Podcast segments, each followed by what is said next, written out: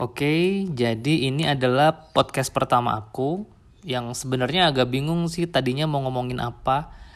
Uh, sampai tiba-tiba keingetan sama obrolan beberapa hari lalu dengan seorang teman yang kebenaran ngebahas tentang parenting. Jadi teman aku nih cerita, katanya dia ngedenger kalau ngebesarin anak itu tuh bukan hal yang mudah. Makanya dia sempet uh, ngerasa khawatir dan memutuskan untuk nggak mau punya anak dulu dia tanya sih gimana tanggapan aku mengenai hal ini. Secara kan anak aku udah dua gitu ya. Nah maka aku coba jawab tapi tanpa bermaksud menghakimi. Ketimbang berpikir kayak begitu, kenapa sih nggak lebih menanamkan keyakinan dan kepercayaan diri aja?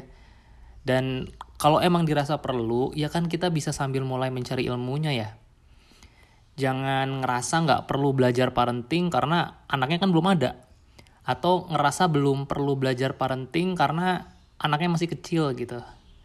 Dari yang aku dengar, katanya belajar tentang parenting itu kan jangan menunggu. Bisa dilakukan sedini mungkin, bahkan kalau perlu sebelum kita jadi orang tua gitu. Nah, tapi bener nggak sih kalau ngebesarin anak itu tuh nggak mudah? Nggak gampang. Iya sih, eh, tapi bisa kok kalau kita belajar dan membekali diri dengan ilmunya. Sama satu lagi yang jadi alasan kenapa kita harus yakin, jangan lupa kalau kita, terutama ibu ya, itu tuh dibekali dengan naluri sebagai seorang ibu oleh Allah. Jadi dalam kondisi nggak pernah tahu pun ilmu-ilmu tentang parenting, kita pasti bisa karena Allah yang menjadikannya bisa. Insya Allah. Ngerasa nggak sih kalau kita sebagai orang tua tuh sering dilematis ketika harus ngedidik anak? Terutama tentang mana yang mendingan diutamakan antara tuntutan atau kasih sayang. Tuntutan tuh maksudnya kayak apa-apa aja yang kita minta dari si anak agar dia bisa lakukan. Misalnya kayak kedisiplinan, kita mau anak bisa simpan sepatu di tempatnya, makan tertib di meja makan, dan nurut gitu kalau kita kasih instruksi. Atau kayak keberanian, si anak nggak selalu harus minta ditemani saat mau tidur atau pas mau ke kamar mandi dan juga kita menuntut inisiatif. Si anak bisa terbiasa meminta tolong kalau mau memerlukan bantuan atau terbiasa bilang terima kasih. Nah, kalau kasih sayang itu tuh semacam perasaan kita yang pengen banget ngasih semua hal yang kita yakin e, bisa bikin si anak gembira dan bahagia.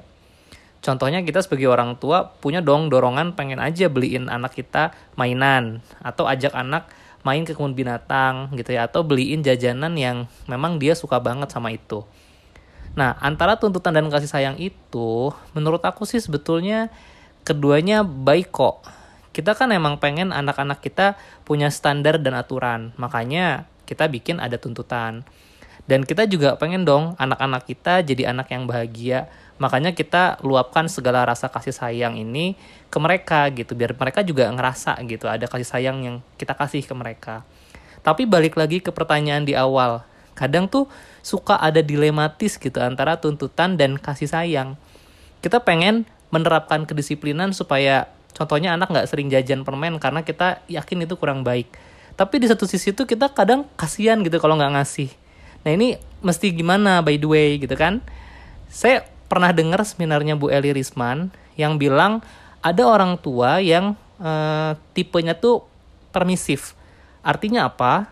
Mereka yang kasih sayangnya sebenarnya tinggi, tapi tuntutannya rendah. Cirinya, orang tua seperti ini tuh sering kali membolehkan apa aja yang anaknya minta.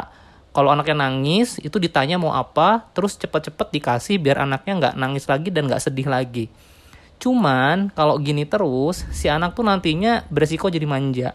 Mereka bisa aja nanti memanfaatkan kelemahan kita dan jadinya selalu meminta apa pun tanpa mengerti tentang peran hak dan kewajiban. Lalu Bu Eli uh, juga bilang ada tipe orang tua yang otoriter, yang tuntutannya tinggi banget tapi kasih sayangnya tuh rendah. Ini tipe-tipe kayak bapak ibunya yang galak bener, yang suka marah-marah kalau anaknya berbuat kesalahan, misalnya numpain air, coret-coret tembok, atau kalau anak ngewarnain gambarnya tuh kadang-kadang suka keluar garis gitu ya. Nah orientasi orang tuanya tuh adalah anaknya kudu berprestasi, kudu jadi juara kelas, sampai-sampai di push gitu, ikut segala rupa les.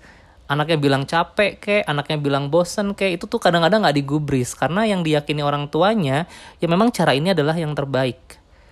Nah, tipe terakhir adalah orang tua yang otoritatif. Artinya baik tuntutan dan kasih sayangnya itu sama-sama tinggi. Tahu menempatkan kapan kasih sayang itu diekspresikan dan kapan juga kita perlu bersikap tegas untuk memahamkan si anak tentang aturan. Paham sih ya teorinya, tapi gimana sama prakteknya? Tentu aja nggak semudah itu saudara-saudara. Saya pribadi ngerasain banget kok susahnya.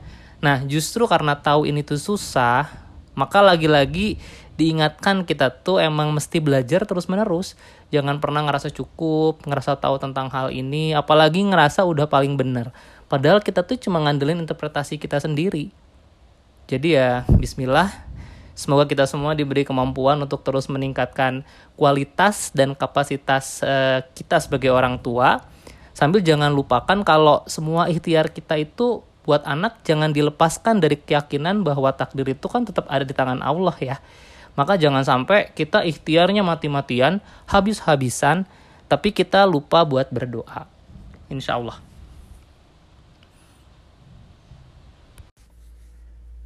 Di podcast segmen ketiga ini, aku mau coba menanggapi komentar seorang temen di podcast segmen satu aku kemarin. Oke, aku bakal coba bacain teks dia ke aku ya. Emang benar kalau Allah itu udah ngasih bekal buat ibu dengan dilengkapi kasih sayang. Selain itu, tiap anak juga udah bawa rezekinya sendiri-sendiri. Tapi menurut aku, kesehatan mental atau kesiapan orang tua juga penting banget. Karena ngurus anak itu bukan cuma sekedar biar anaknya bisa jadi ini itu, hebat ini itu, dan lain-lain, tapi juga gimana prosesnya biar nggak bawa beban mental pas udah besarnya. Dulu aku bercita-cita punya anak sekian, dan gak pengen anaknya ngerasain ketidakpuasan yang sama kayak yang pernah aku rasain dari orang tuaku. Sekarang aku kondisinya jauh dari suami dan keluarga tanpa ART. Kerasa banget kesehatan dan kesiapan mental itu sangat ngaruh ke pendidikan anak. Udah gak kehitung banyaknya orang nanya kapan akan ada punya adik, tapi aku sendiri sadar kalau aku tuh secara kesehatan mental emang belum mampu untuk mendidik anak lebih dari satu. Kondisi pengetahuan dan pengalaman tiap orang itu beda-beda bisa aja aku salah tapi nggak semudah sekedar bisa bisa aja deh tanpa lihat kondisinya terlebih dahulu. Hmm, aku pribadi harus setuju sih sama apa yang teman aku katakan ini. Siapa yang bilang kalau urusan punya anak dan merawat serta membesarkan anak itu adalah perkara yang mudah? Dan aku udah ngerasain sendiri bahwa dua anak dengan usia jeda dua tahun itu banyak banget tantangannya memang nggak bisa di generalisir ya setiap permasalahan punya anak dan membesarkan anak itu bagi semua orang karena pasti kita punya pengalaman, referensi, minat, pandangan hidup, agama sampai lingkungan dan juga budaya yang mungkin beda-beda. Tapi menurut aku sih di luar itu semua ada satu yang jadi persamaannya yaitu kita semua punya kewajiban untuk mau belajar. Sebetulnya inti dari podcast aku di segmen satu itu adalah ini. Kita tidak seorang pun yang luput dari kewajiban belajar baik sebelum atau setelah menjadi orang tua. Justru karena kita tahu bahwa ada faktor-faktor eksternal dan internal yang mungkin dirasa nggak ideal makanya kita perlu belajar nggak sih buat mencari titik keseimbangannya? Dan aku prefer nggak katakan juga cara belajar mana yang paling efektif karena kembali kepada tiap permasalahan yang dihadapi oleh orang tersebut dengan anak dan keluarganya tadi yang tentu aja begitu majemuk. Mungkin ada yang perlu belajar dengan konsultasi ke psikolog, ada yang merasa belajarnya dengan ikut workshop dan pelatihan-pelatihan, ada juga barangkali yang dengan baca berbagai teori dari buku untuk kemudian dipraktekkan dan uh, bahkan mungkin ada yang ngerasa learning by doing aja sudah udah cukup gitu. Nah, bagaimanapun uh, ini semua adalah ranah privasi masing-masing. Belajar itu bukti kalau kita nggak menyerah, khususnya tentang teman aku yang khawatir dan memutuskan untuk gak mau punya anak dulu. Hmm, menurut aku sih, ini pandangan aku pribadi ya, betapa sayang kita menyerah duluan dengan langsung memutuskan gak mau punya anak tanpa sebelumnya membuka semua sumber-sumber pengetahuan tentang parenting mungkin setelah belajar pandangannya bisa jadi berbeda. Dan jangan sampai telat aja sih gitu. Maksudnya baru mau memulai belajar saat tua atau saat anak udah gede. Nanti takutnya bisa jadi ini akan membuat kita menyesal. Nah uh, tapi setiap perjuangan kita belajar itu kadang hasilnya kan memang gak selalu mulus ya. Kita sering kali kayak kepentok nggak merasa ada hasilnya gitu udah belajar ke sana ke sini nah e, maka kalau udah begini jangan menyalahkan usahanya jangan menyalahkan prosesnya tapi kembalikanlah kepada Allah yang maha memberi keputusan. Allah tahu setiap usaha yang kita lakukan itu kapan akan dikabulkan atau dengan cara apa akan dikabulkan. Yang aku pahami inilah konsep bersabar.